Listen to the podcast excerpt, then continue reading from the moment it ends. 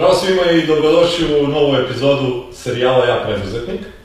Danas smo prelepo okruženje, imat ćete prilike da vidite i spoljašnjost i unutrašnjost i svašta nešto još. E, firma kao takva i kompanija je isto na tom nekom nivou.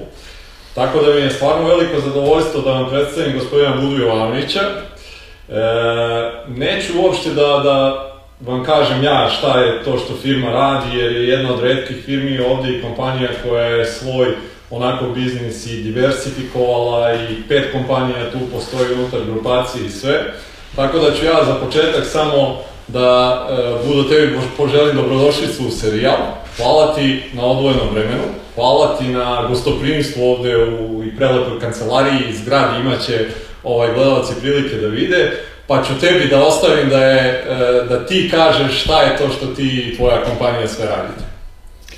Hvala ti na lepim rečima, Đorđe. Meni je izuzetno zadovoljstvo što imam priliku da budem gost u vašoj emisiji i dobro je da postoji takav serijal koji će mladim ljudima i uopšte ljudima koji su u biznisu predočiti neke mogućnosti i iskustva oni koji su već dugi niz godina u biznisu. Keramika Jovanović matična kompanija je praktično vlasnik još pet pravnih subjekata u okviru poslovnog sistema.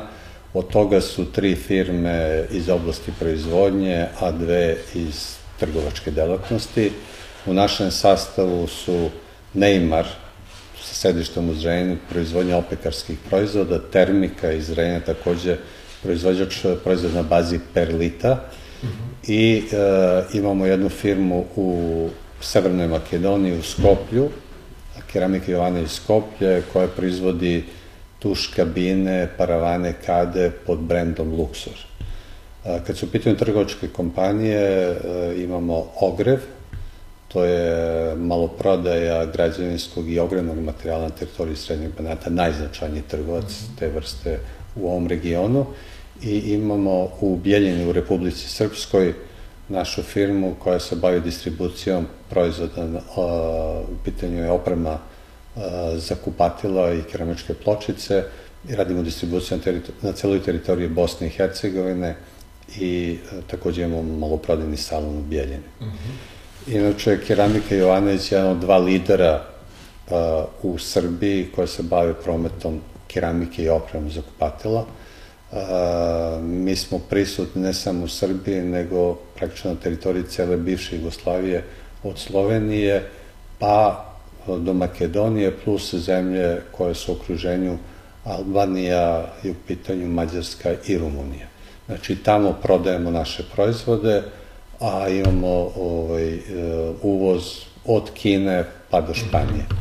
Tako da je širok delokrug naših aktivnosti, kažem, i proizvodnja i trgovina, kada dođu mladi ljudi, zaposle se kod nas, bukvalno mogu da nauče sve. -hmm. e, sad, iz tog razloga, prvo što je to tako kompleksno, ja uopšte nisam hteo da se upustim, da najavim šta je to što sve vi radite, međutim, ono što je značajno je da e, si ti već četvrt veka u preduzetništvu, da ništa od ovoga nije nastalo preko noći, I sad, e, baš iz tog razloga što nekim e, ljudima koji nas sada gledaju, koji kad ti sve ovo kažeš, deluje i nedostižno i neostvarivo, e, se vraćamo na neke tvoje početke, da čujemo kako je uopšte prvo došlo do nekog osnivanja, ali da se vratimo još malo i pre toga da čujemo nešto i to gde si ti odrastao, odakle ovaj,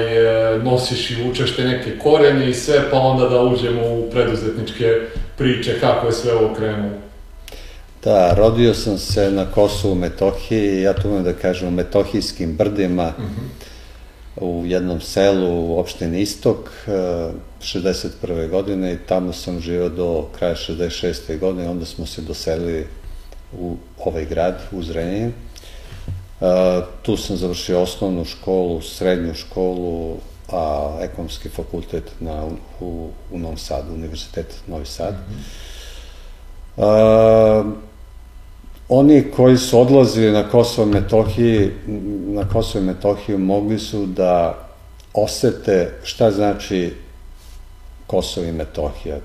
to je jedno područje naše duboko tradicionalno, hiljadu crkava manastira, ljudi koji imaju poseban sensibilitet, veoma borbenog duha, spremni da se čuvaju na sve moguće načine ono što su im preci ostavili i ta neka borbenost je generalno dobra i za biznis i za život i mislim da nosim tu vrstu tu vrstu naboja koja mi omogućava da se izborim sa svim onim što, što biznis nosi. Bilo nam je veoma teško kada smo se doselili ovde, došli smo bez igde ičega, otac je sam radio, dvoje dece, majka. I od ranog detinstva sam naučio da pokušam da sam nešto stvorim, da ne čekam od roditelja da mi oni obezbede sredstva za školovanje i sve ono što je nužno za život.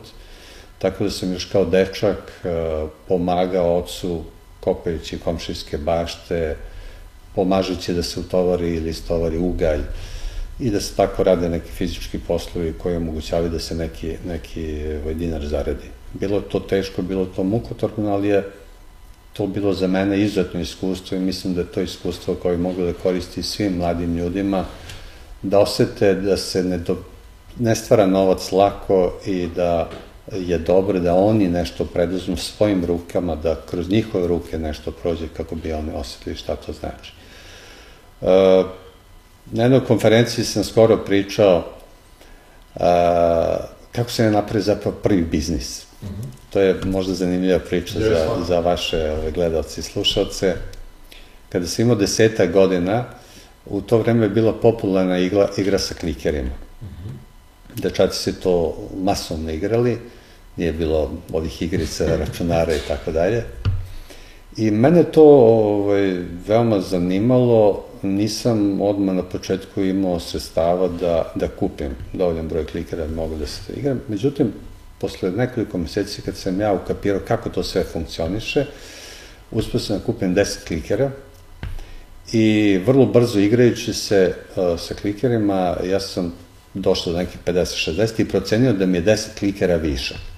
I onda sam tih 10 klikera prodao za jedan dinar i za jedan dinar sam kupio prvi sladoled, to je moj prvi zarađeni novac.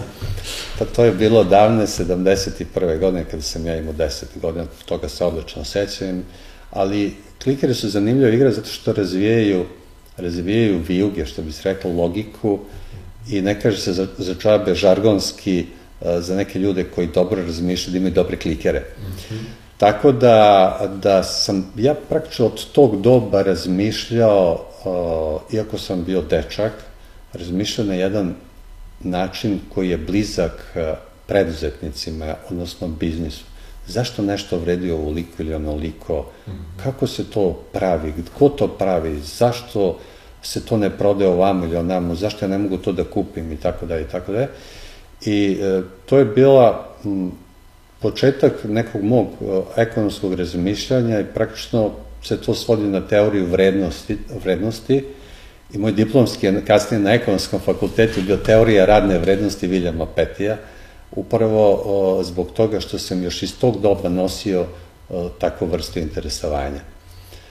E, čim sam malo odrastao, imao 14-15 godina, onda sam radio na poljoprivrednim manjima u toku leta, bilo ovde dosta zadruga u okolnim selima i osetio sam šta znači taj hleb kada ustanete ujutru u pola pet ili pet i budete do 5-6 sati popodne ili uveče kopajući kukuruz, pleveći repu ili suncogret ili radite neke poljoprivredne poslove i da osetite kako taj narod pre svega koji je na, na tim njivama, kako on razmišlja, kako funkcioniše, kako to sve izgleda. To je isto fantastično iskustvo.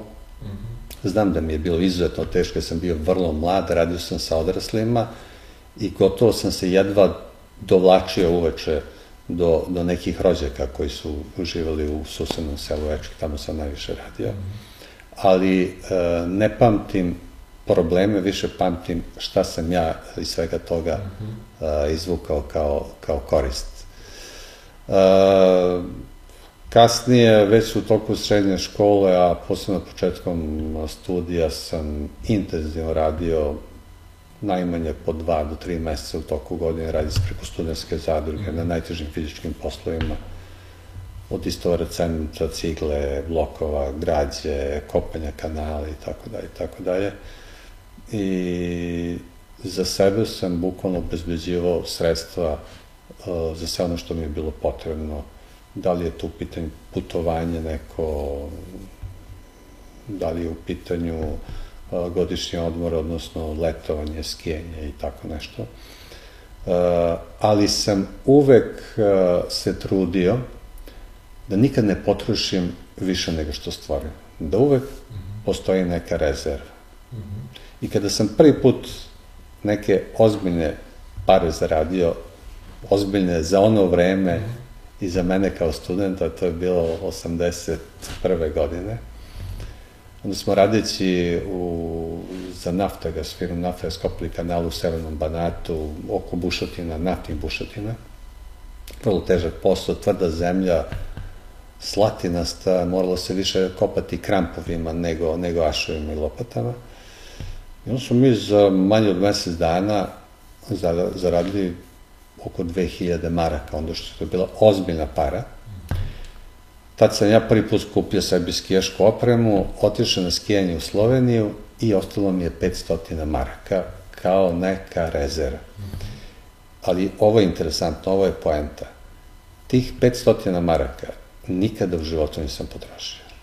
To je uvek ostalo kao rezervno za ne daj Bože ako zatreba, ako bude neka kriza, ako bude neki, neki loš moment u životu i tako dalje.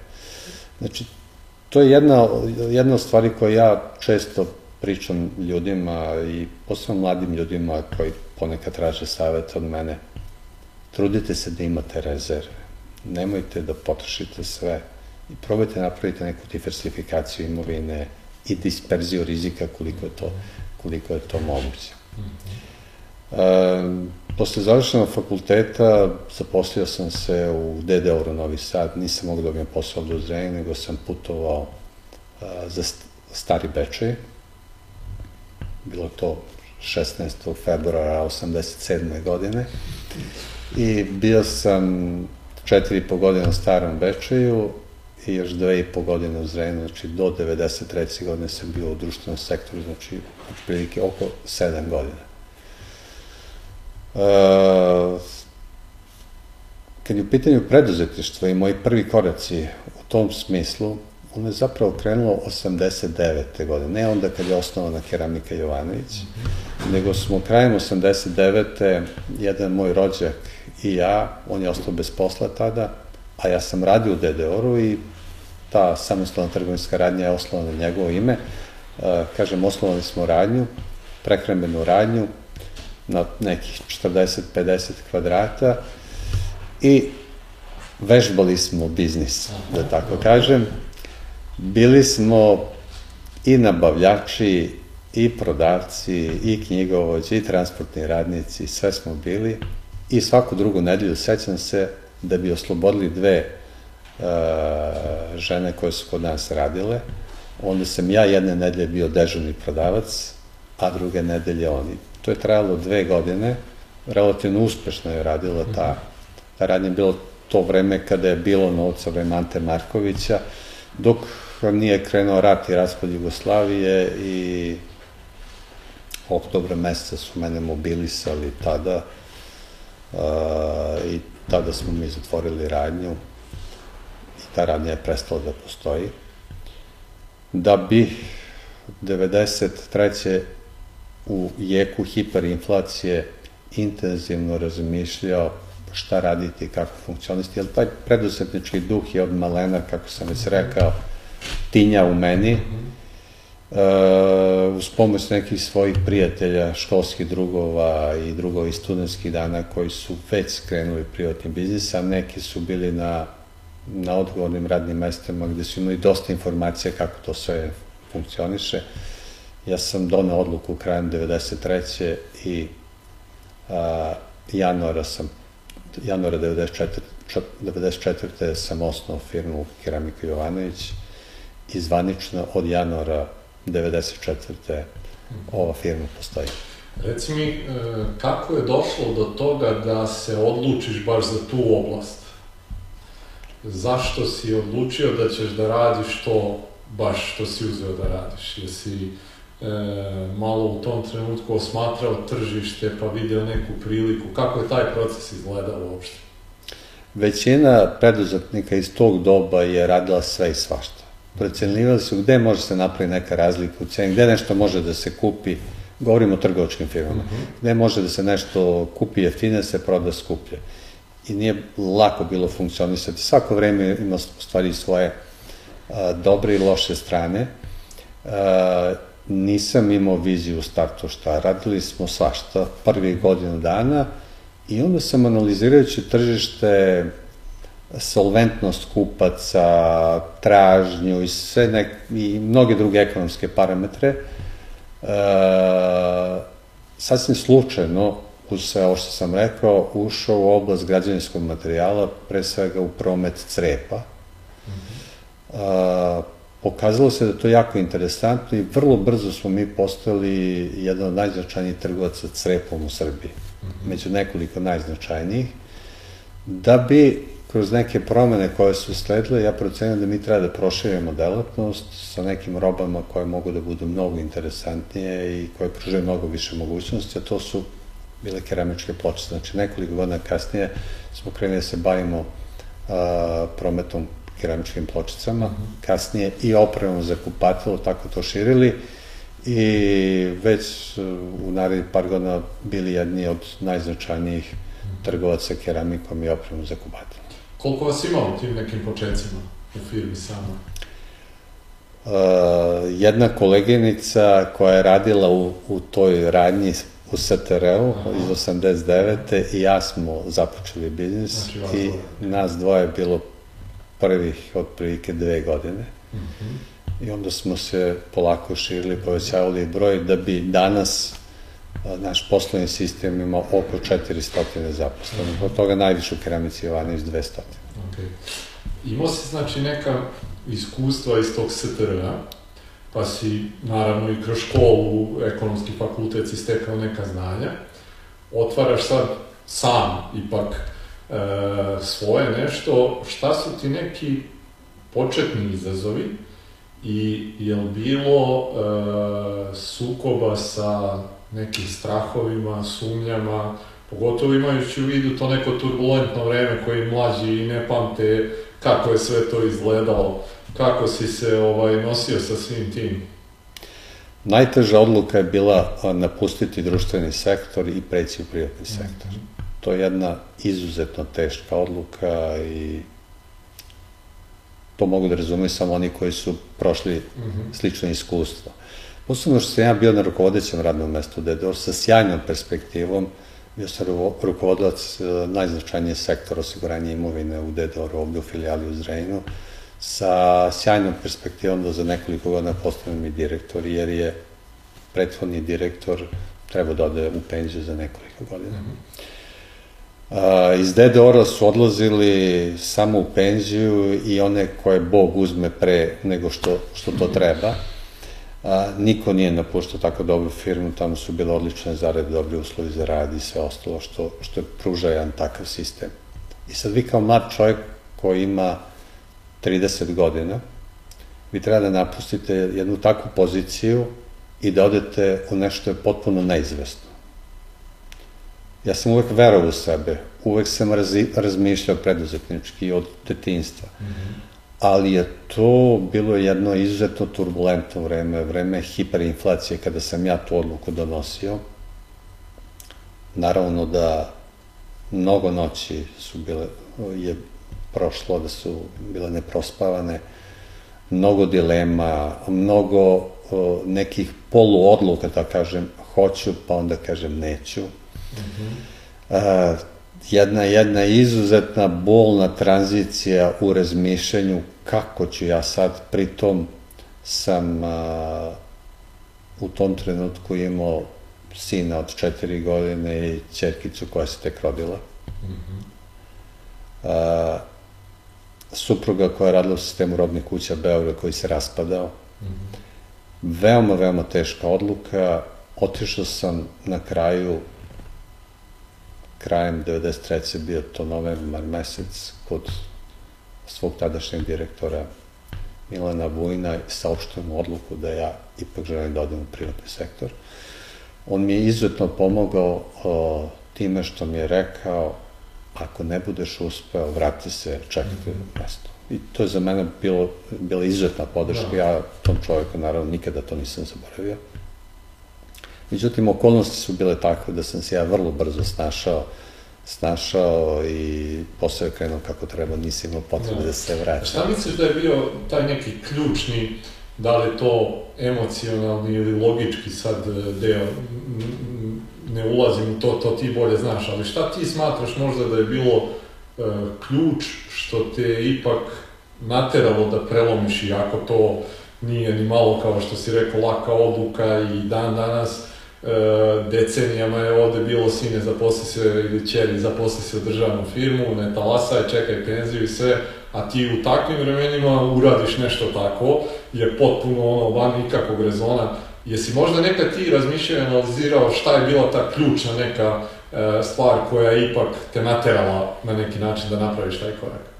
Mudri ljudi celog života sebe porede sa drugima.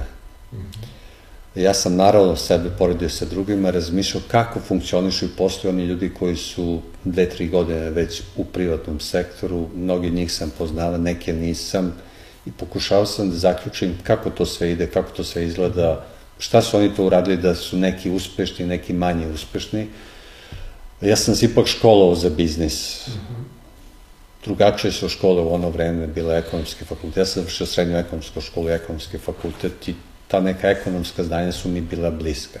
S jedne strane to, sa druge strane imao sam puno e, svojih prijatelja, školskih drugova koji su već bili na odgovornim funkcijama, koji su mi saopštavali neke informacije i neka svoja iskustva koja su za mene bila dragocena. I kada sam ja sve to izmerio, onda sam rekao, ako ja ne mogu da uspem, školovo sam imam određeno iskustvo u ovom društvenom sektoru, poznajem dosta ljudi, baratan sa mnoštvom informacija, pa mislim da, da, je, da je rizik jako mali da ne uspem. Mm -hmm. I mislim da su to bile ključne, mm -hmm. ključne stvari koje su mene opredele da ipak uđem u privatni da. sektor. E, ako ste dobro razumeli, znači prve dve godine je bilo samo vas dvoje, je li tako? Tako je. U firmi. E, šta su ti sad ono neke e, možda i nove stvari sa kojima se možda prvi put susrećeš jer si sad ipak ti sam kao vlasnik pre toga taj STR je bio onako nekako partnerski pa ste možda neke stvari, neke te gobe koje imaš imao sa time da, da, da podeliš. Kako ti te prve dve godine izgledaju sad iz ugla kad si ti tu ipak sam kao vlasnik toga i e, svo breme te neke odgovornosti ipak na tvojim leđima?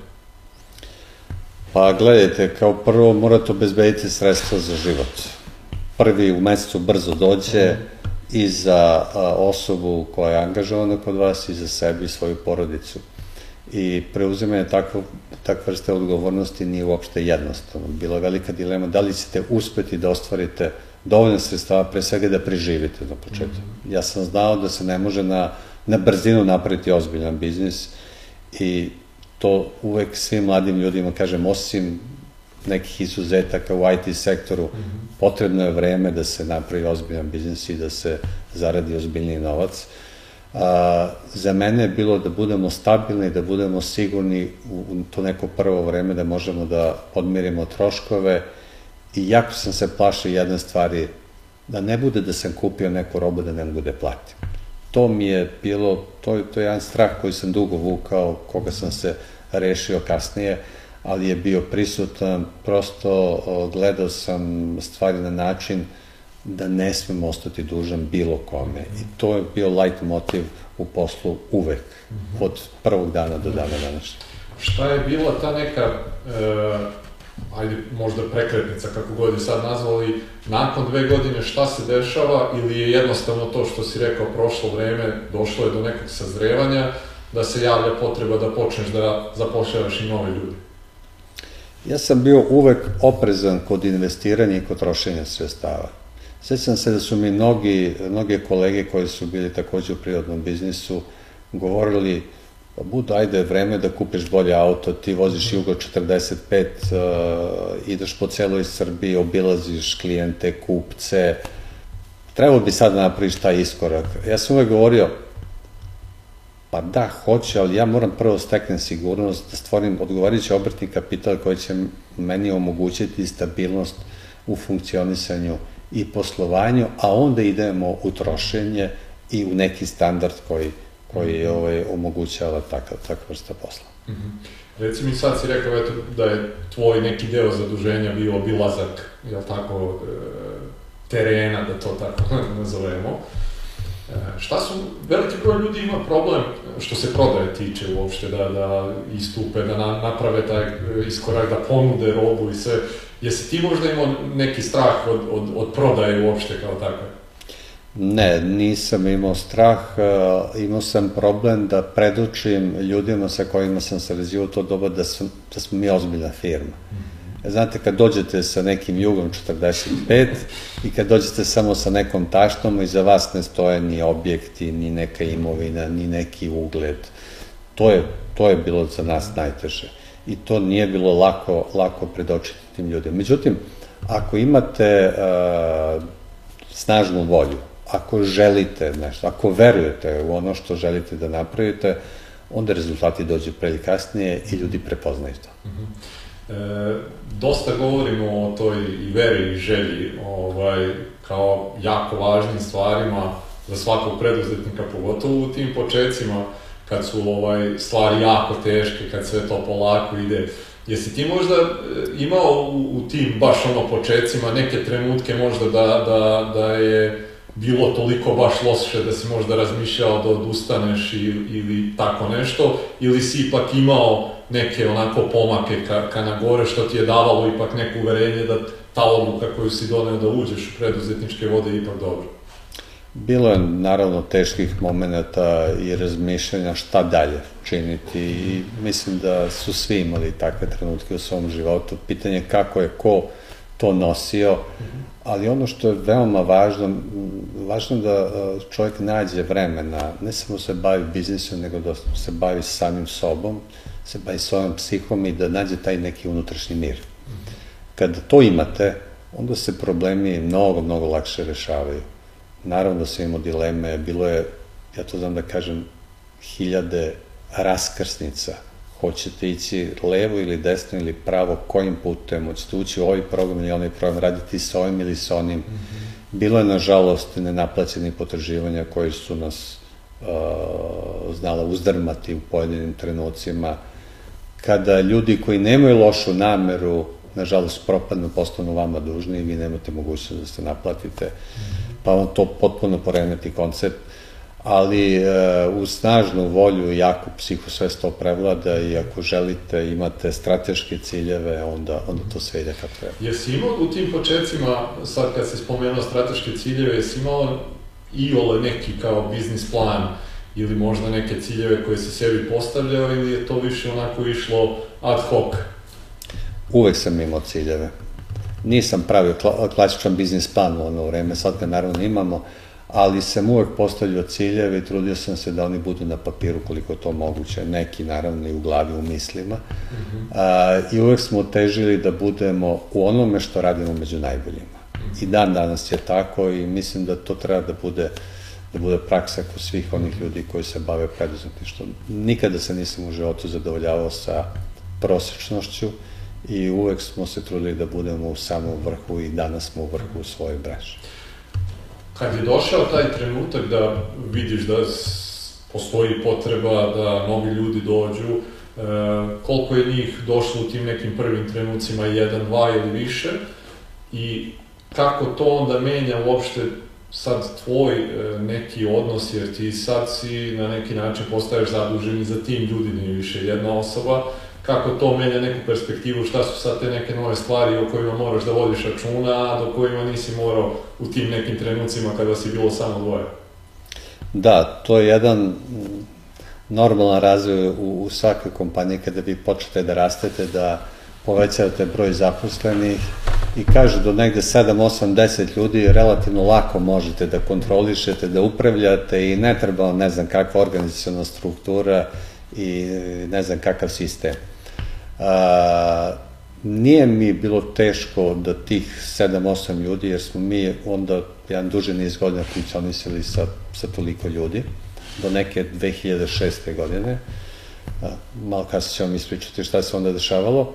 A, međutim, kasnije kada, kada je povećan broj ljudi, kada vi stvarate odeljenja, sektore, kada to treba da se da prož, prožeti sa odgovarajućim informacijama i kada mora da postoji kruženje uh, informacije između tih ljudi, to je već mnogo, mnogo kompleksnija i svi smo mi koji smo prošli te faze morali mnogo da učujemo i, i sami, da tako kažem, a i da angažujemo nekog drugog da nam u tome pomaže. Ali Ključ, jedan od ključnih e, događaja za razvoj naše firme se desio 2006. kada smo mi privatizovali Ogrev. To je trgovačka kompanija koja je imala izuzetnu tradiciju, ali je bila potpuno devastirana, bez obrtnog kapitala, e, ali imala vrednu imovinu u nekretninama, imala odgovarića skladište ili upravnu zgradu u kojoj se mi sada nalazimo. Mm -hmm to je nama omogućilo da napravimo jedan fantastičan iskorak za kratko vreme, jer smo mi imali kapitala, ali smo čekali da vidimo šta će se desiti uh, oko privatizacije ogreva. Uh, I mislim da smo napravili jedan mudar potez, takmičili smo se i pobedili na aukciji, uh, došli do značajnog prostora i kad je u pitanju maloprodaje i kad je u pitanju skladišni prostor i upravna. E, onda smo mi vrlo brzo zaposlili još nekih 30 ljudi, došli na neku, na neku brojku od 40 i nešto zaposlenih, onda je to podrazumelo jedan potpuno drugačiji način rada, funkcionisanja i mi smo postali u to doba već ozbiljna trgovačka kompanija koja ima ozbiljne promete i sve ono što je bitno za, za funkcionisanje. Kako je tebi ta tranzicija, malo pre smo se pre nego što smo zvanično započeli razgovor, dotakli nekih jako zanimljivih tema, između ostalog je i ta e, tranzicija i u načinu razmišljanja, e, jako veliki broj vlasnika firmi u trenutku kada dođe do te neke takve situacije ima problem da uspostavi sistem i organizaciju u svojoj kompaniji e, i dalje nisu spremni da se odreknu te neke odgovornosti, da je prepuste ljudima. E, kako je tebi ta tranzicija išla, obzirom da 30 ljudi zaposliti u jednom trenutku u firmu koja u tom trenutku ima samo 7 je zaista jako velika transformacija, jako veliki izazov sve to ovaj, e, uspostaviti da funkcioniše kako treba. Kako je tebi taj period izgledao? Jesi imao ti tu negde problem da, da delegiraš neke obaveze nekim ljudima u, u timu? Da, 2000-ih, posle takozvanih demokratskih promena, smo se mi sretali sa inostranim kompanijama, bez obzira što je bilo ovde raznih kompanija, oni ljudi koji su imali komunikaciju sa njima su mogli da shvate kako taj svet razmišlja, kako funkcioniše i oni koji su bili dovoljno mudri mogli su dosta i da nauče od ljudi koji su dolazili sa zapada ovde. E, pored toga, ja i onda, a i dan danas izdvajam značajno vreme, posebno u večernim satima kada imam mir i kada obavim sve te dnevne aktivnosti koje su potrebne, bavim se analizom ekonomske situacije i u mikro i u makro okruženju u Srbiji i, i širu svetu kako bi spoznao kuda ide svet, šta se dešava, koje su neke ekonomske novosti i kako bih ja napravio neki mozaik u sobstvenoj glavi u smislu daljeg razvoja biznisa i pravljanja strateških odluka uh, kad je u pitanju razvoj, pitanju razvoja sobstvene kompanije. Uh, sve to mi je pomoglo da ja u toj transformaciji koja je usledila sa povećanim brojem, brojem ljudi povlačim poteze koji će biti adekvatni i bez obzira što nisam imao sobstvene iskustva, ali sam probao i kažu, mudri ljudi uče više iz tuđih iskustva, ako je to moguće. Naravno, ne može se sve naučiti iz tuđih iskustava, nego mora mnogo toga iz sobstvenih grešaka i sobstvenog iskustva, ali mislim da u tom smislu nisam, nisam napravio neki, neki loš potez. Uvek sam se trudio da a, ljudima posvetim odgovarajuću pažnju, znajući i onda i sada i uvek da su ljudi najvažniji resurs u firmi, da njima morate posvetiti pažnju, da morate a, imati odgovarajući odabir kadrova koji će sa vama provesti a, dugi, dugi niz godina i mi imamo zaista izuzetno malu fluktuaciju radne snage. Mi imamo mnogo ljudi, najviše je ljudi koji su te 2006. godine, svi su oni ovde. 99%, 90, možda jedna osoba nije. Tako da, a, taj problem delegiranja obaveze, ovlašćenja, meni nikada nije, nije ovaj, predstavilo poteškoću, iz prostog razloga što sam shvatio da a, firma prevazilazi moje mogućnosti. Ako ja budem želao da se pitan za sve i da donosim odluku o svemu, onda će mnoge stvari da trpe. Znači ja sam još onda, a sad se time mnogo više bavimo, pokušavao da ostavim za sebe ta neka, neka strateška pitanja, donošenje strateške odluka, bavljenje strategijom i vizijom, a operativne stvari sam prepuštao prepuštao svojim saradnicima po nekoj hirarhiji, hirarhiji kako smo mi to napravili. E, reci mi, rekao si da si već u tim trenucima shvatao da su ti ljudi glavni ono, resurs u, u firmi i pretpostavljam da sada verovatno se ne baviš tim stvarima, ali u tim trenucima kad si e, odlučivao da li ćeš neke ljude zaposliti ili ne u firmu, šta je to što si gledao u njima i tražio nešto što, što bi bio znak da je taj čovek ili žena prava osoba za priključenje timu? Pre svega da ta osoba deli vrednosti ove firme. Mi imamo to izvanično definisano šta su vrednosti ove firme, da poštuju duh u ovoj firmi, da poštuju ljude koji su kolege u ovoj firmi koji će raditi sa njima. To je jedna od ključnih stvari. Može čovjek biti izuzetno sposoban, vredan, ali ako on predstavlja jedan remetilački faktor u kolektivu, u okruženju, u timu, onda to dovodi samo do loših rezultata pre ili kasnije. To je bila suštinska stvar, naravno, a, druga stvar koja je veoma važna su sposobnosti za određeno radno mesto i volja i energija da se teži kao onom najbolje. Ne onom prosečnom, nego onom najbolje. Ja svima kažem, a, kada zapošljavam Mi smo firma koja je jedna od lidera na tržištu i vi morate sa svojim sposobnostima i angažmanom da budete na takvom nivou.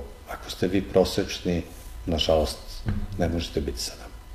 Jesi imao možda u, u tim nekim trenucima e, na počecima e, bilo koga koga si možda mogla da pitaš za neki savet ili tako nešto, ili je većina stvari dolazila učenju na greškama ili je to što si i rekao da si se konstantno edukovao na neki način da sebi taj neki mozaik složiš u glavi, da li možda bila neka osoba sa kojom si ipak mogao da porazgovaraš, da čuješ možda neki savet ili šta god to već bilo?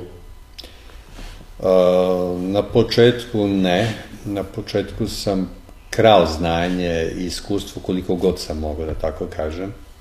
Učio drugi, gledao kako to sve funkcioniše, savetovao sam sa nekim svojim prijateljima koji su takođe imali privatne firme. Međutim, u jednom trenutku, 2008. odnosno 2009. godine, sam došao na ideju koja je prihvaćena od strane značajnog broja velikih i uspešnih privrednika iz Rejna. Osnovali smo jedno udruženje Zrenjinski poslovni krug Zrepok. Tu je desetak vlasnika kompanija i, kažem, oni predstavljaju dvadesetak, dvadesetak firmi koji imaju ozbiljan promet, više od 5000 zaposlenih. Procenili smo o, da ljudi iz privede treba da imaju mnogo značajnije utice na dešavanja u lokalu, kad su u pitanju donošenje ključnih odluka za razvoj grada, e, kada su u pitanju neke administrativne odluke za poslovanje i tako dalje, sa jedne strane, a sa druge strane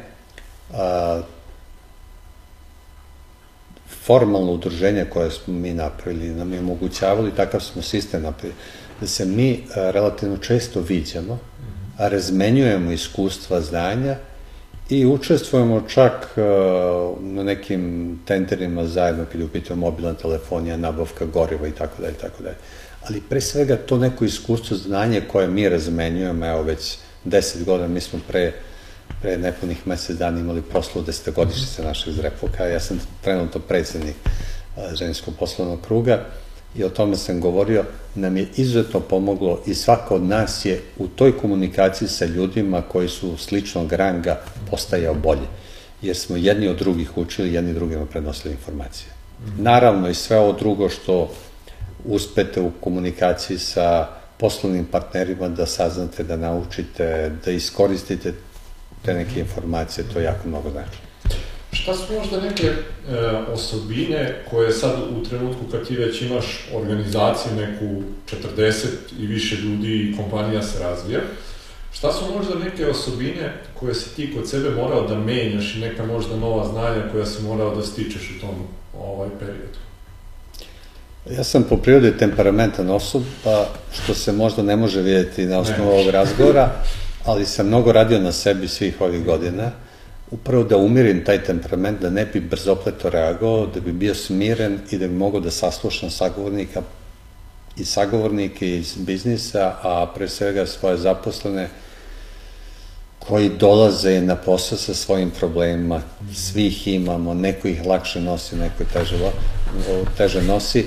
I mislim da sam uh, u tom smislu imao jedan izuzetno dobar odnos sa zaposlenima, odnos poverenja, uzajemnog poverenja, uh, nikada se nije skrivalo šta god da se desi, ili loše ili dobro. I kada se desi nešto loše, naravno uvek imate mnogo i loših odluka, važno da ovih dobrih bude mnogo više, mnogo više. Nismo se krili, nismo zabijali glavu u pesak, nego smo prosto gledali na koji način da izađemo sa, sa tim izazovima. Tako da, a, moj savjet je svim onima koji su biznis, pa i oni koji nisu, da mnogo rade na sebi u smislu a, popravke svega onoga što a, su genetski dobili. Mm -hmm. A to se može radom, ja sam tipičan primjer. Mm -hmm. Mislim da i ja mogu da poslužim kao jako dobar primjer za to. Ovaj, e, zanima me, sad kad e, organizacija, rekao si da je imala 2006 tu jednu e, jako važnu prekretnicu, gde, eto, da ste narasli na nekih 40 ljudi. Sad si rekao da vas ima preko 400 u firmi. Šta su možda još te neke važne onako prekretnice koje su se desile u periodu od 2006. pa do danas, kad pogledamo, to je ipak rast koji je 10 puta, pa me zanima da izdvojiš možda te neke ovaj, e, važne e, stvari koje su se u tom periodu izdešavale. Slušajući političare u ono vreme, početkom 2000-ih, mi smo aktivno učestvovali u privatizacijama. Tu je bilo i neki poteze koje bi ponovio i danas, a boga mi bilo bi oni koji ne bi nikad radio. da ne spominjem koliko smo imali problema sa nekim firmama koje smo privatizovali, to samo oni koji su tako nešto uradili mogu, mogu da shvate koji je to nivo problema kad imate firmu koja je u izuzetno lošem stanju, ekonomski posmatrano, sa starom opremom, mislim pre svega na proizvodne firme, kad imate ljude koji su pristekli iz starog sistema, koji su navikli da im neko drugi reši problem, da im neko drugi obezbedi platu, bez obzira da li uh, su rezultati poslovanja bili takvi ili nisu. Uh, deo tih privatacijonih zahvata nas je, moram to sad da priznam, usporio jer nam je oduzeo ogromnu energiju i sredstva i rezultat uh, nije bio adekvatan nije bio adekvatan uh, u odnosu na uložene resurse koje smo imali. Ali ono što je jedna od najzanimljivijih stvari, najznačajnijih stvari koja je doprinala da da, da ova firma ide tim putem i da se tako razvije. Moje spoznavanje nekih okolnosti da prosto nivo znanja i sposobnosti nije dovoljan da bi mi mogli samostalno da se uhvatimo u koštac sa prilikama na tržištu. I pre nekih desetak, 11 godina smo mi prvi put angažovali jednog konsultanta koji nam je dosta pomogao da napredimo način funkcionisanja organizacije i od tada pa do dana današnja smo angažovali više konsultantskih firmi koje se a, bave sa nama i koje nam ukazuju, prenose nam znanje, iskustva i ukazuju na neke stvari koje treba da menjamo. A, izuzetno opasno je za svakog preduzetnika, za svaku kompaniju, ako bude zatvorena u nekoj svojoj čauri, i misli da to tako kako funkcioniše mora tako da bude i da oni svi znaju. Ne, mora, svi se mi moramo otvoriti ka svetu, ka tržištu. Uh, izvikana je priča znanje, znanje, znanje. Ali nije samo stvar spoznati da vam nedostaje znanje, nego naći način kako do tog znanja da dođete. Ako ne možete da ga po znacima navoda ukradete time što pratite i gledate a, druge kako to radite, onda morate odvojiti sredstva i platiti to znanje. Kupiti ga. Kupiti ga, mislim da to mnogo manje košta nego da vi provodite godine i godine u spoznaji kako nešto treba da funkcioniše. E, pored toga, u samoj keramici Jovanović smo imali e, jednu stratešku odluku pre pet, odnosno šest godina, kada smo donuli odluku da krenemo u razvoj maloprodajne mreže. Do tada smo bili samo veleprodaja, sa ozbiljnim prometom, veoma profitabilna, dobro postavljena, dobro pozicijna tržišta, ali smo procenili da moramo imati maloprodajni lanac i time se intenzivno bavimo i danas imamo 12, odnosno 13 svojih maloprodajnih objekta, objekata pod brendom Keramika Jovanović i to nam je dovoljno novi rezultat i u smislu uh, obima prometa, profita, ali e, i pozicije na tržištu našeg ugleda, marketinga i tako dalje. E, ono što je takođe veoma interesantno, čime se e, intenzivno bavimo, mada ne odvajamo previše, previše ovaj, vremena za to, je bavljanje berzom. Ne znam da li se neko od vaših sagovornika bavi berzom. Uh, ne da je spomenuo, ti si da. prvi, tako da eto, tamo prilika da se malo zadržimo to, dodatno. To je jako interesantna mm. tema, jako interesantna tema i bit će sigurno interesantna za vaše, za vaše gledalce. Uh, mi smo kompanija, jedna od najznačajnijih kompanija u Srbiji koja se bavi berzinskim poslovanjem. Mm. Vrlo smo aktivni na berzi. Uh, ali da se vratim neke 80. godine, neko 82. godine kad sam ja bio student i sećam se, uh, imali smo predmet međunarodno ekonomske odnose, pa je lekcija bila bez, berze i tako dalje. Kod nas u ono doba berza nije ni postojala, ni, ni, ni nalik tome, ali smo mi iskoristili priliku pa smo profesora zadržali nekoliko nas i tražili informacije kako te berze funkcionišu Mi smo samo nekim filmovima ili novinama čitali o tome. Mene to strašno zaintrigiralo još tada. I tada sam se zarekao da ću ja kad tad biti na berzi i pojaviti se na berzi. Čim se pojavila mogućnost da se trguje na berzi, mi smo se uključili to neke 2001. 2002. godine posle demokratskih promjena kada je formirana berza i bili smo u startu uspešni i ostvarivali vrlo, vrlo solidne prihode, da bismo, da bismo pre godinu dana krenuli da radimo i ne inostranim berzama, prvo na slovenačkoj berzi, a posle toga na frankfurtskoj berzi i na Wall Street u Njorku.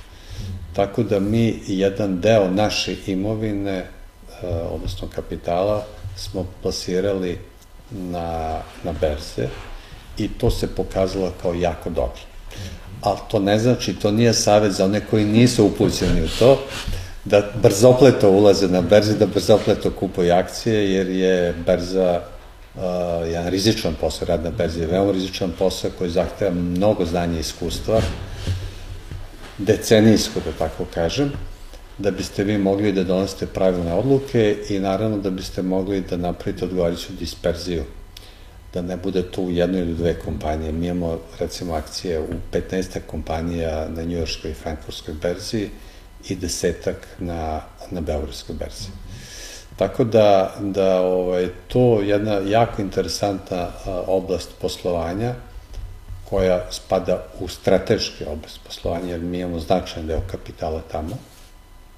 Cilj je da ga povećavamo i cilj je da a, profit koji ostvarujemo iz tog segmenta bude na nivou od 20 do 30% našeg ukupnog profita.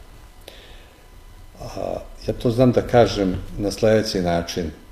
Berza vam omogućuje ukoliko ste vešti, ukoliko imate i talent, talenta i znanje, naravno i kapitala, da neko drugi radi za vas. Znači, vi ste, po znacima navoda, samo uložili novac. O svemu drugome neko drugi misli. Vi nemate ni knjigovostvo, ni transport, ni proizvodnje, ni trgovine, ništa nemate, nemate zaposlene, pratite šta se tamo dešava, čekate dividendu, ako kompanija dobro postoje i naravno ukoliko ste dovoljno bili vešti, čekate da raste cena, cena akcije. Mm -hmm. Tako da je to isto jedna veoma interesantna oblast i mislim da će se tim poslom baviti do kraja života. Mm -hmm. Jer vidim da su takve iskustva i kod Amerikanaca i Nemaca. Imate mm -hmm. ove velike berzanske igrače koji sa 90 godina ovaj, vrlo uspešno, vrlo uspešno trguju na berzi. Činjenica je da, da se vrši jedna, jedna ozbiljna preraspodela kapitala i dolazi do ukrupnjavanja, do kupovine. Postoje čak neka razmišljanja da će za 20-30 godina postojiti 50-60 multinacionalnih kompanija u proizvodnji koja će i uopšte trgovini koja će kontrolisati sve.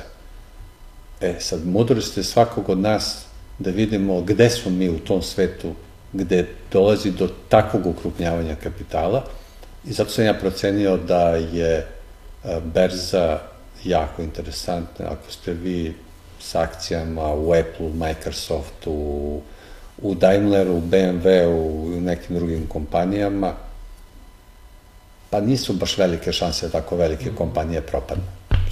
Ima naravno oscilacija kada je pitanje cena akcija i, nivo profita zbog raznih dešavanja u svetu, ali dugoročno posmatrano mislim da je to jedan dobar vid mhm. štednje ili ulaganja. Zanima me sad, već par puta se ovaj, uvuklo kroz razgovor odluke i evo sad i za Berzu ovaj, si spominjao da je e, potrebno znanje, iskustvo da bi uopšte mogao da doneseš odluku u koju ćeš firmu da uložiš ili ne, kao i što je bilo koja druga strateški važna odluka za firmu bitna. Kako izgleda tvoj proces donošenja odluka? E, jel to uključuje još neke ljude oko tebe i kad treba da presečeš, da to tako kažemo na kraju, koliko tu ulogu igra i neka intuicija i emocije kod tebe? Ima svega od toga. Naravno ne donosim sam strateške odluke.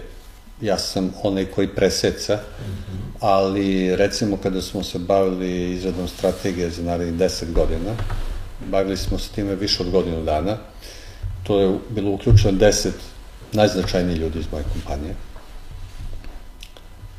Mnogo puta je to bila tema na našim kolegijuma koje je održano svake nedelje. Trudili smo se da spoznamo kuda ide ovaj svet, kuda ide ova naša branša, koliko mi na kakav način da vršimo, da izvršimo diversifikaciju imovine, Iz tog razloga je i strateško predeljenje da jedan deo našeg kapitala bude, bude na berzi. Upravo zbog toga što smatramo da je dobro da imate uh, rezervne opcije, jer uh, bio sam svedok 2008. godine kada je nastupila ona velika ekonomska kriza, da je od pet najznačajnijih kompanija iz ove moje branše, iz prometa uh, keramike opreme, opreme za kupatilo, tri su propale upravo zbog toga što nisu sagledali šta može da donese vreme koje ide, jer su imali rast od 20-30% na godišnjem nivou, zadužili se, investirali mm -hmm. i onda kad je krenula kriza, kad je promet umesto da raste 20%, pao 20-30%, onda je za godinu dana nastupio kolaps. Mi ne želimo, ja ne želim, dok god budem kontrolisao ovu kompaniju, a pričat ćemo posle šta posle, a, da dođemo u poziciju da usled nekih makroekonomskih dešavanja koje mogu da budu veoma opasne, da li je to svetska ekonomska kriza, da li je nešto slično što sad dešava u Kini sa, Kini sa ovim virusom koji je počeo već da, da ljulja a, svetsku ekonomiju. Mi prosto a, želimo da izbegnemo da takvi udari mogu da nas bace na kolena. Mogu da nas zaljuljaju, uzdrmaju, da nam naprave određene gubitke, ali mi povlačimo neke aduti iz rukava iz nekih drugih sfera koje sa kojima... Tako da smo napravili disperziju imovine s jedne strane naravno naš obrtni kapital, potraživanja prema kupcima, značajna imovina u nekretninama, berza i tako dalje. Tako da šta god da se dešava, mi uvek imamo neke rezervne opcije koje nam omogućavaju da se, da se izvučemo iz potencijalnih problema. Tako da ni ona kriza ni ona kriza 2008. nas nije ozbiljno uzdrmala. Jeste uzdrmala jednu našu kompaniju proizvođača opekarskih proizvoda koji bi, koja bi propala da je samostalno funkcionisala jer je bilo izuzetno teško vreme. Nije ni sad u toj branši sjajno vreme, ali je matična kompanija pomogla i ona je opstala.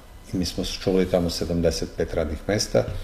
Da je bila sama, prošla bi kao dve trećine industrije te vrste koja, koja je propala u Srbiji. Mm -hmm. Praktično jedna trećina ostala, dve trećine propala tih godina 2008. do 2012.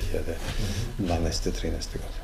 Sad, baš kad se dotako toga i kad si spomenuo eto koliko je e, ta kompanija konkretno imala problema, zanima me prilikom samog e, uvođenja, ajde sad da, da koristim malo prostije reči, ovaj, e, da, da bi nas ljudi razumeli, Inače, e, M&A, kako se stručno zove, spajanje kompanija ili akvizicije istih su jedan od onako najzahtevnijih procesa uopšte i 70% takvih slučajeva bude neuspešno. E, kako si se nosio sa tim situacijama uopšte, ne ti lično, nego i organizacija, prilikom e, uklapanja sa tih novih kompanija u vaš već postojeći sistem? o, obzirom da možda i ljudi ne znaju, ali M&A su zaista jako komplikovani procesi, dolazi do sudara kultura i onda oko svako, svakakih nekih stvari treba da se vodi računa, pa me zanima kako je taj proces, obzirom da imate onako i pet kompanija u grupaciji, kako je to izgledalo ovaj, kod vas? Vrlo, upravo ste potpuno, vrlo komplikovan proces. Kad imate različite sfere, jedno je proizvodnja u jednoj branši, drugo proizvodnja u drugoj branši, navike, ljudi, uspostaviti taj sistem je izuzetno teško. Ali ključna stvar da neko ko rukovodi celim tim sistemom ima dovoljno empatije, dovoljno obzira i dovoljno tolerancije prema ljudima koji dolaze iz drugačijeg milija. I ako već treba nešto da se menja, onda napraviti sistem kako to menjati, ne lomiti preko kolena, jer nekim ljudima je potrebno vreme da prosto promene neku svoju sliku. Znam za mnogo slučajeva gde su ovaj, vlasnici kompanije koji su imali takvu vrstu problema bili krajnje tolerantni i urušili su kompanije zbog toga što nisu imali dovoljno strpljenja da prosto ljude prilagode novom sistemu. Svako prilagođavanje novom sistemu zahteva određenu žrtvu i određeno vreme i ozbiljan rad da se tako nešto desi. Inače, praviti sistem, neku vrstu holdinga ili kako god to zovemo, od kompanija koje su u različitim sferama nije jednostavno i to je izuzetno težak posao. Ali kažem, a rad sa ljudima je ključna stvar i e, predočiti svima da su one vrednosti o kojima sam malo pre pričao, znači ne mogu ne može niko da se ponaša drugačije odnosno na matičnu kompaniju kad su neke ključne vrednosti. Mm -hmm. I to sukobljavanje ideje, razmišljanja može da ide, ali na pristojan način. Ne može da ide na način kako to -hmm. uh, se negde dešava i kvari taj, taj timski duh i da, sad. Da. E, spomenuo si već i porodicu i zanima me sad e, kako tvoja deca učestvuju, da li prvo učestvuju u, u radu kompanije i posvetit ćemo jedan deo razgovora onako isto značajan celoj toj priči, obzirom da smo se malo pridotakli toga u, u neformalnom razgovoru, da Srbiji predstoji ta jedna tranzicija prenosa e, sa prve na drugu generaciju, obzirom da ta neka eto generacija tvoja i 90-ih, da tako nazovemo, je prva koja je ponovo krenula i sada dolazi ta negde situacija, u nekim firmama se to već dešavalo, u nekim tek treba da se desi, ali sigurno nekih 10-20 godina narednih će ovaj, većina kompanija proći kroz tu tranziciju. Pa me zanima kako to sad sve izgleda u tvom konkretnom slučaju, šta se tu dešava? Da. To je izuzetno zanimljiva tema za sve preduzetnike koji imaju naslednike. Uh, imam čerku i sina. Sin je završio ekonomski fakultet i tri godine već u kompaniji kod nas. Mm -hmm. Radi poslovima koji su vezani za investitore. A čerka je provela ovde par meseci, radila je praksu, opredela se da živi u Beogradu i ona ne bi da radi u ovoj kompaniji. U njoj sve uh, bukti od preduzetništva i ona bi da napravi sobstvenu kompaniju. I na putu je da to uradi. Vidjet ćemo koliko će biti uspešno, ja verujem u nju i naravno pomoći koliko to do mene. Uh, ono što je veoma komplikovana tema, kako sam već rekao, je ta tranzicija i vi ste o tome lepo, lepo govorili, to se spominje na mnogo mesta.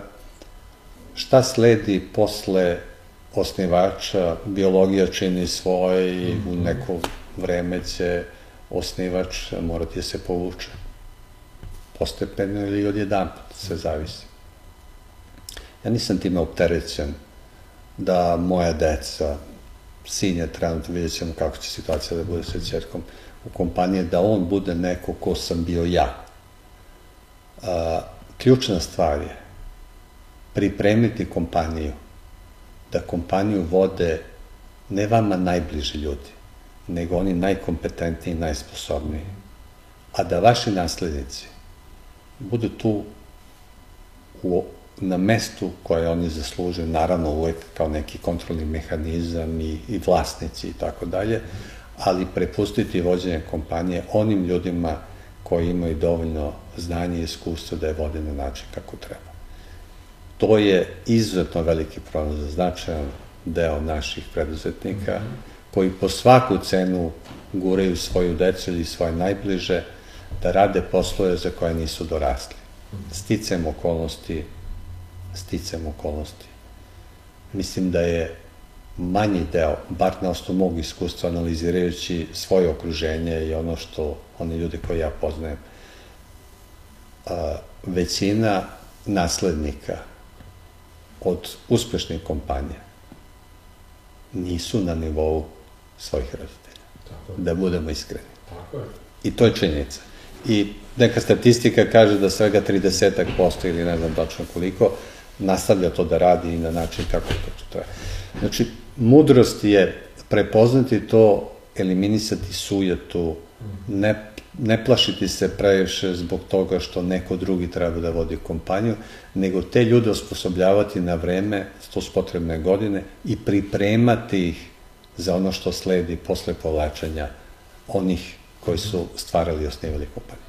Drago mi baš što si rekao neke jako važne stvari ovaj, vezano za ovu temu, obzirom da vidim ono i kroz neko isto iskustvo, kroz rad i sve, da, da fali najpre, ja mislim, znanja uopšte samih preduzetnika, da to uh, nakon, ajde da kažemo, njihovog povlačenja iz firme ne znači da firma uopšte treba da prestane da postoji, iako većina i dalje smatra da je to tako, ukoliko ih ne naslede ovaj deca.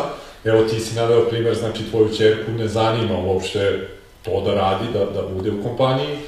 Sa druge strane, deca možda i žele to da rade, ali to opet što si ti rekao u većini slučajeva nije situacija da oni imaju dovoljno znanja da sve to rade.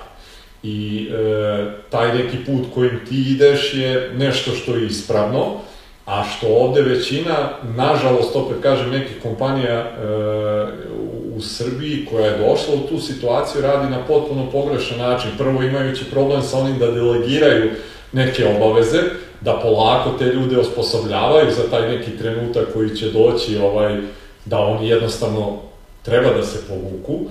Tako da mislim da je to baš neka onako tema koja će u narednih 20 godina u Srbiji biti aktuelna i taj neki put eto koji si ti sad naveo, tvoj lični, e, mislim da je dobra onako e, preporuka ljudima da bar počnu malo da razmišljaju na taj način o toj temi, a ono što smo isto pričali sad možete da se edukujete i oko toga da vidite kako se to radilo u zemljama koji imaju kompanije koje četvrto ili peto koleno ovaj, je tu i gde firme postoje po stotinu nešto godina, gde su vlasnici već odavno i ovaj, nisu među živima i mislim da će baš ta neka tema ovaj, da, da bude jedna od značajnijih ovaj, u, u narednim, e, eto, moja neka lična procena 10-20 godina što se toga tiče. Ta tema je aktualna već od ovog trenutka, zato što imate ljudi koji su počeli biznis sa 30-40 godina, pre 25-30 godina, oni da. su već podmaklom dobu. Mm -hmm i već uh, sada treba preduzimati neke koreke ukoliko žele da, da ta kompanija dalje posluje i, i, postoji. Uh, odgovorni ljudi, ja sebe smatram izuzetno odgovornim čovjekom, uh, moraju stvari da posmatrati sledeći način. Nije sad tema, vi ste stvorili neki kapital, stvorili ste kompaniju i sad se vi povlačite iz posla i ta kompanija nestaje. Da. Uh, ako ste vi 20 ili 30 godina sa nekim ljudima stvarali tu kompaniju, ako ste zaposlili, kao što smo mi zaposlili u posljednje desete godine, nekoliko desetina fakultetski obrazovnih ljudi, sa kojima ste radili, koji ovu kuću osjećaju kao svoj drugi dom, koji provode ovde mnogo vremena, koji žrtvuju svoje vreme i svoju energiju i sve ostalo da bi ova firma funkcionisala kako treba, da bi oni bili adekvatno zbog toga plaćeni, da nemate pravo kao odgovoran čovek da kažete ja sam sad stvorio ono što meni treba i moje dve, tri generacije mogu da žive od onoga što je osnivač stvorio. Ne, ja bio duboko nesrećan čovek ukoliko bi ostavio takvo jedno stanje, ukoliko ne bi ostavio kompaniju da može da funkcioniše i posle mene, sa ljudima koji mogu da je najbolje vode. I to je, to je moj zaista cilj, nezavisno od toga koliko će deca tu biti uključena ili neće biti uključena. Da. Znači, to je suštinski. I ono što želim da istaknem ovde, uh, ja zaista izuzetno vodim računa o svim temeljnim vrednostima. Porodica mi je najvažnija. Ali mi je izuzetno važno, izuzetno važno i sve. Važan mi je grad, važni su mi prijatelji. Važna mi je uh, tradicija naša kultura, naša istorija, naša država. To je neka vertikala vrednosti sa koju ja smatram da treba svaki čovjek da posede više ili manje. Ja do toga izuzetno držim i smatram da je istinski srećan i zadovoljan čovjek koji ima sve to. Ako ste vi uspešni u biznisu, a imate porodicu koja je rastorena mm -hmm. ili je nestabilna, ne možete vi biti potpuno srećan čovjek. Ili gledate u svom okruženju da vam propada država, da vam propada sve ono što su temeljne vrednosti ovde. Tako da, a, pored ovog a, rada, kad je biznis u pitanju, a, značajno vreme angažujem u nekim udrženjima koje se bave a, čuvanjem temeljnih vrednosti ovoga naroda i ovoga države i jako sam ispunjen i srećan zbog toga. Mm -hmm. Koliko su važne te neke stvari, ovaj, sad si spomenuo neke vrednosti do kojih ti je stalo i koje ti na neki način e, igraju ne samo u poslovnom e, smislu e, onako na, na visokom su nivou, već eto ulažeš i neko svoje vreme e, promovišući ih i baviće, baveći se njima i van posla. Jesu e, te neke stvari e, važne kao i jedna vrsta, ajde, ventila da kažemo, E, preduzetništvo kao takvo je jako stresno. I ti ono što si rekao na kraju dana ipak si sam koji mora da preseče da li će se neka odluka, da li će se ići u ovom smeru ili ono. E, znači li ti te, te ovaj, e, neke stvari sa strane, oko posla, isto kao ta neka vrsta relaksacije, da to tako nazovemo? Izuzetno. Mislim da ljudi koji su samo u biznisu, da su manje ili više dosta prazni. Mm -hmm. Vi morate da imate emocije. Mislim, biznis jeste emocija, ali morate da imate neku drugu vrstu emocija. Emociju prema ljudima, prema dešavanjima oko vas. I morate da budete izuzetno organizovani da biste to mogli sve da stignete. Ja sam još iz studentskih dana imao precizan režim kada ležem, kada ustajem, kada radim. Svakog jutra ja provedem najmanje pola sata, nekad i sat vremena, a, da razmislim dobro šta mi sledi tog dana, mm -hmm. spavim nekim strateškim promišljenjima i moj posao počinje u kući, ne kad dođem ovde u firmu. I naravno, a, izuzetno sam obogaćen time što mogu da pomažem drugim ljudima kroz rad nekih humanitarnih organizacija i opšte organizacija u kojima se nalazim. Jer mislim da to a, nešto čovjeku daje to neko bogatstvo. Ako ste vi bogati samo materijalno, onda to nije dobro. Ja sam apsolutno siguran da to ne... Ja bi bio duboko nesrećan čovjek ukoliko bi posjedao u materijalnom smislu sve ovo što imam, a da nemam ovu komunikaciju odnos sa ljudima. Tako da sam izuzetno mnogo to angažovan u, u ovoj drugoj sferi, to mi ispunjava, čini srećnim i zadovoljnim, bez obzira što mi nekad oduzima i više vremena nego što bi ja to želao, ali kada se to završi, kada vidim da iza toga stoji nešto lepo, kada su ta deca srećna kojima smo odobrili stipendije ili raznoraznim drugim institucijama koje pomažemo, onda ovaj, to zadovoljstvo preplavi čoveka i daje mu neku novu snagu i energiju da je dalje. Spomenuo si sad da je to baš da, da tvoj ajde, posao počinje u nekim ranim jutarnjim časovima kući. Kako izgleda neki tvoj, e, ajde da kažemo, običan dan i e, šta su neke stvari koji, kojima se danas, recimo, onako poprilično posvećuješ i baviš?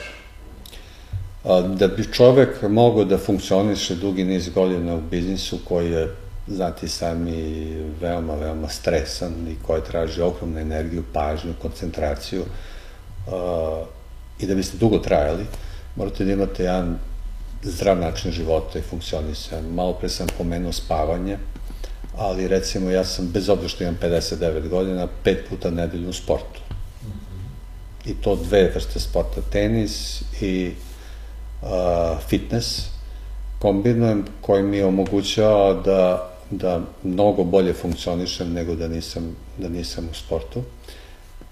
Kako god, bilo gde god da odem, ja se trudim da se vratim i da mogu da te svoje sportske aktivnosti obavim kako, kako to valja. Trudim se da budem a, precizan, odgovoran i prema sebi i prema drugima. A, trudim se da planiram sve sve što može da se planira, naravno nikad ne možete sve da isplanirate i na takav način da postignete, da postignete ono sve što ste zamislili. Jer mnogo ljudi nekako čeka da se nešto samo od sebe desi, pa biće, neće biti. Uh, jako, jako važno planirati i stavljati na papir sve ono što može. Mm -hmm. Ajde, baš sad, kad si spomenuo planiranje i to sve, da se dotaknemo uh, u ovom delu razgovora E, mladih, mladih preduzetničkim stažom ljudi koji su tu negde da pokrenu možda nešto svoje ili su pokrenuli pa su tek tu na nekim početcima. Šta je ono nešto što bi im ti dao sad kao savete nakon eto četvrt veka u preduzetništvu? Na šta da obrate pažnju, šta da izbegavaju, znači ne, neki tvoji onako saveti iz e, tvog iskustva sa svim onim što danas znaš? Treba da budu hrabri pre svega u, u biznisu. Ja se u porodici suočavam sa svojom čerkom koja ima mnogo izazova, mnogo ideja, a, koja ponekad hoće brzo da donese neku odluku. E, ja i njoj govorim, a i, i, i mnogim mladim ljudima koji su me pitali za savet, budite hrabri, donosite odluku kako mislite da treba, ali nemojte brzo opleto da donosite odluku. Probajte da dobro izanalizirate sve što je vezano za potencijalni biznis u koji želite da krenete ili u neke novine u vašem biznisu koji već sada postoji. Znači, treba odluke donositi uh, relativno brzo, ali ne nepromišljene ad hoc na osnovu neke trenutne emocije. Nekad je to potrebno, teško je to sve definisati, ali iza svake odluke mora da postoji ozbiljna analiza tržišta, ozbiljna analiza branše, konkurencije i svega oslog da bi se donala odluka. Jer a, a, doneti neke taktičke odluke koje su loše, to nije tako strašno i to svima nama da. dešava. ali doneti lošu stratešku odluku, to može da odvede u propast firmu i o tome treba dobro, dobro razmisliti pre nego što se to uradi. Kako si se ti e, nosio sa tim nekim greškama koje si imao u ovaj e, prethodnom preduzetničkom stažu, a siguran sam da ih je bilo puno. Ovaj, kako si izlazio e, nakon njih, e, jesi li ih analizirao, pokušavao da izvučeš neke pouke? A, pravilo koje postoji kod mene, a i kod mojih saradnika, je da nikada ne ulazimo u posao koji je izvan naših ekonomskih mogućnosti. Da to malo objasnim. Ako imate 100 dinara nekog kapitala, koliko god da je primamljiv biznis, nemojte ulaziti u nešto što je 150 ili 200. Idite do 10-15% od toga. Ako se i nešto loše desi, vidite dalje. Nama su se dešavale neke loše stvari, ali nikad katastrofalno loše, nikad uh, nismo pravili neke ozbiljne strateške greške. I kada se to dešavalo i kada su moji ljudi bili strašno ozlojeđeni, uznemireni, nervozni, i tako da, ja sam bio taj koji se rekao, stanite, polako. Desilo se to, normalno se desi neka greška, izgubili smo nešto, ali napravit ćemo mi rezultat nekim drugim poslima, ne ćemo to sve. Znači, mora postoji taj neki mir o kome sam nešto ranije govorio, da vi možete se suočiti sa greškama na način koji na vas neće ostaviti ozbiljne posledice. Ako vam greške ostavljaju ozbiljne ožiljke, onda će vas to stalno boleti, stalno vam vraćati unazad, to ne smete sebi da dozvolite. Greške moraju da ostanu, iskustvo po strani, iskustvo će vam ostati, ako ste dovoljno mudri, da slične greške ne pravite zbog toga i to će vam značiti da u, buduće, u budućnosti možete lakše da preprotite neke teškoće, a da ne napravite greške. Šta je možda neka tvoja, eto sad kad se okreneš preko, znači 25-26 godina tu, šta je možda neka najveća greška ili neka najteža situacija za, za sve ovo vreme, ako možeš možda da izvojiš jednu? Pa mislim da je to privatizacija jedne od ovih firmi koje sam, koje sam uradio, a, koja nam je odnala ogromnu energiju, ogromnu energiju i zaustavila razvoj matične kompanije zbog toga što sam ja provodio 60-70% vremena baviti se tom firmom. To je bilo trebalo je iz ničega napraviti ozbiljnu firmu. Mm -hmm. Investirati ogromna sredstva, pronaći opremu, a nemate pojma kako je to. Pobići pola Evrope, vidite kako to funkcioniše. Pa čujete jedno, drugo, treće, treba doneste odluku šta da kupite, kako to da uvedete i tako dalje. To je, to je jedna, jedna izuzetno, izuzetno teška, teška bila situacija. Imali smo takođe jednu situaciju kada smo kupovali od privatnog lica a, firmu u Makedoniji, gde se ispostavio da iza toga postoje određeni problemi koje nismo mogli da sagledamo u datom trenutku, pa smo imali određene gubitke, ali opet kroz neko poslovanje u budućnosti kada smo tu firmu doveli u okvire kako to treba, nadokladili smo mi. Nismo nikada imali neki, kako bih rekao, trenutak koji je bio ili ili. Hoćete opstati ili nećete mhm. opstati. Da, gubitak da, da, ali da firma prestane da postoji, da se ne da Bože nešto ovaj, katastrofalno desi, ne. Ali upravo zbog toga, zbog, zbog te moje opreznosti.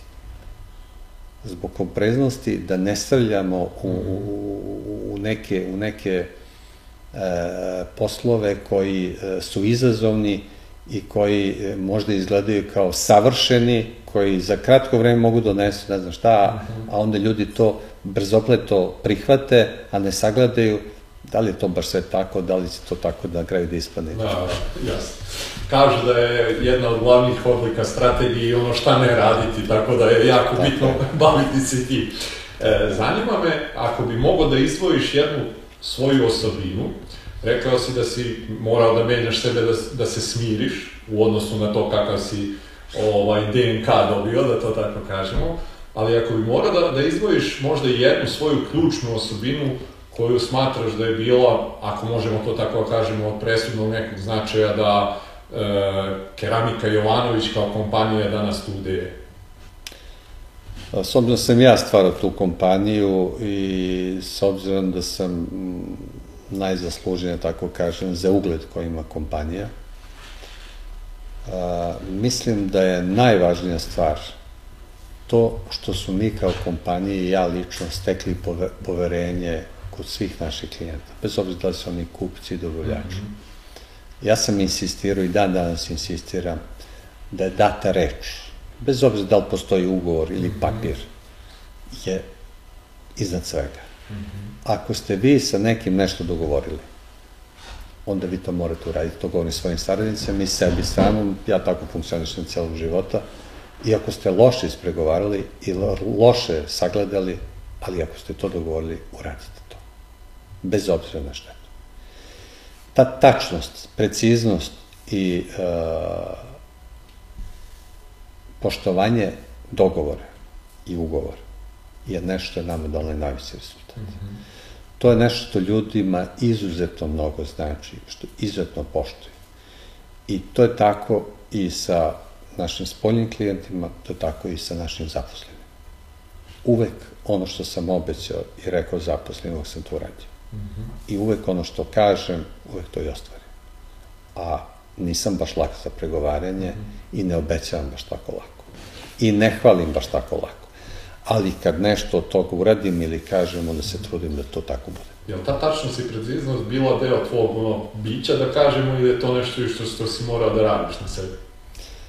Pa mislim i jedno i drugo. -hmm. Ja vaspitavan sam da budem odgovoran u porodici, u sredini u kojoj sam ponikao, ali sam jako puno radio na sebi, čitajući mnogo, mnogo knjiga koje su mi pomogle kako da sebe uh, dovedem u neki red kako je to potrebno, jer umeo sam da budem eksplozivan, mm -hmm. da istrčim, da kažem nekad i ono što ne treba u datom trenutku da se kaže. Međutim, kroz taj rad i kroz verovatno iskustvo i godine uh, je sve to nekako došlo na neki nivo koji, koji je ovaj, odgovarajući i mislim da to poverenje koje sam stekao koje sam stekao je zaista nešto što je najvažnije u ovoj firmi. Često znam da kažem svojim prodavcima, kad ih pitam u nekim trenucima kad rezultati nisu ostvareni, zašto to nije ono, meni počne da pričaju kako je problem ovo, problem ono, da kažem, pa da, ali ja sam taj vaš posao radio. Sa tim mojim jugom 45 imao sam neku tašnicu, jeftinu, a vi imate moderne automobile, klimatizovane, brendirane, firmi za vas i sve ostalo i tako dalje. Pa se zapitajte kad odete tamo šta je problem. Kako ta tvoja edukacija izgleda danas, zanima? Šta, šta ti je nešto najprijemčivije? Stoji dalje knjige ili Pa rad sa konsultantima mi je veoma interesantan, ali iz toga prističe onda uh, mnogo drugih stvari. Mm -hmm. Vi započete jedno, a onda se to proširi na mnogo segmenata mm. i volim da čitam kad god mogu. Volim da čitam i romane, ali volim da čitam knjige koje su vezane za određene veštine. Mm -hmm. uh, u biznisu, psihologiji i tako dalje. I taj rad sa ljudima me jako interesuje mm -hmm. i to mhm. volim da radim. Uh, a, i mislim da je to ključna stvar. U tom smislu imamo veoma stabilnu situaciju u kompaniji, dobre međuljudske odnose, to najviše zavisi od prvog čoveka u firmi. Da. Budo, e, pitanje sa kojim završavamo sve naše razgovore e, glasi ovako. Da imaš priliku da se vratiš u 90 tu treću, četvrtu i onom mlađanom budi na početku svoje preduzetničke karijere, sa svim ovim što sad ti znaš, šta je to što bi mu rekao i dao možda kao neki mentorski savjet, obzirom da on u tim trenucima nije imao mentora? Pa rekao bi da uradi slično što je uradio onda. e, jako teško pitanje koje ste postavili, izuzetno teško pitanje, ali mislim da treba svako ko kreće da bude izuzetno odlučan, disciplinovan, istrajan i da veruje ono što želi da napravi. Ta vera u sebe, vera u ono što želi da napravi je ključna stvar. Naravno, to podrazumeva i mnogo rada, nije dovoljno samo verovati ako to nije potkrepljeno sa jednim načinom života koji je organizovan, koji zahteva mnogo truda i rada, odricanja i tako dalje. E, hvala ti prvo još jednom na, na ovom izdvojenom vremenu. E, hvala što si dopustio evo, da, da pokažemo e, našim gledalcima iz Srbije uopšte još jednu fenomenalnu firmu e, koju imamo i na koju i po načinu kako je građena i vođena i iz onoga što si mi rekao nekoj budućnosti koja se planira, svakako može da, da posluži kao primer e, mnogima, e, bilo da su na početku karijere svoje preduzetničke ili u nekim ovaj, e, odmakli malo fazama i ne ostaje ništa drugo nego da ti poželim da nastavite da radite sve ovo ovaj, što ste i do sad radili na jedan vrhunski svetski način.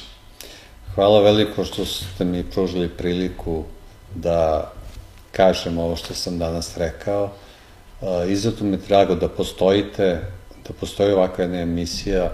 Mislim da je ona veoma, veoma korisna za sve one koji su u biznisu, koji se bavi, bave preduzetništvom. I neka da Bog da se i drugi ljudi poduhvate ovako posla, mislim i na državu i na sistem i na neke druge ljude koji nalaze interes ili imaju dobru volju, jer ovaka vrsta informacija koje uspešni privrednici na neki način poklanjaju auditorijum je veoma, veoma korisna jer nemaju ljudi, posebno oni koji su početnici, dovoljno znanja i iskustva da mogu samostalno da dođe do nekih informacija. Tako je. Još jednom hvala ti iz tog baš razloga što si rekao e, puno na odvojenom vremenu, većina ono, ovaj, e, sagovornika naših je jako zauzeta, ali ono što sam rekao, e, kod svih njih postoji želja da prenesu ta znanja i ta želja ni jednom do sada, evo koliko dugo već ovaj, radimo, nije bila upitna. Iz tog razloga, znajući koliko je vaše vreme i dragoceno, posebno naglašavam to što je ovaj to vreme upravo odvojeno za, za ove neke ljude koji nas prate. Iz tog razloga još jednom hvala ti na tome, a hvala i vama što ste ponovo bili sa nama. Vidimo se ponovo sledeće nedelje. Prijatno.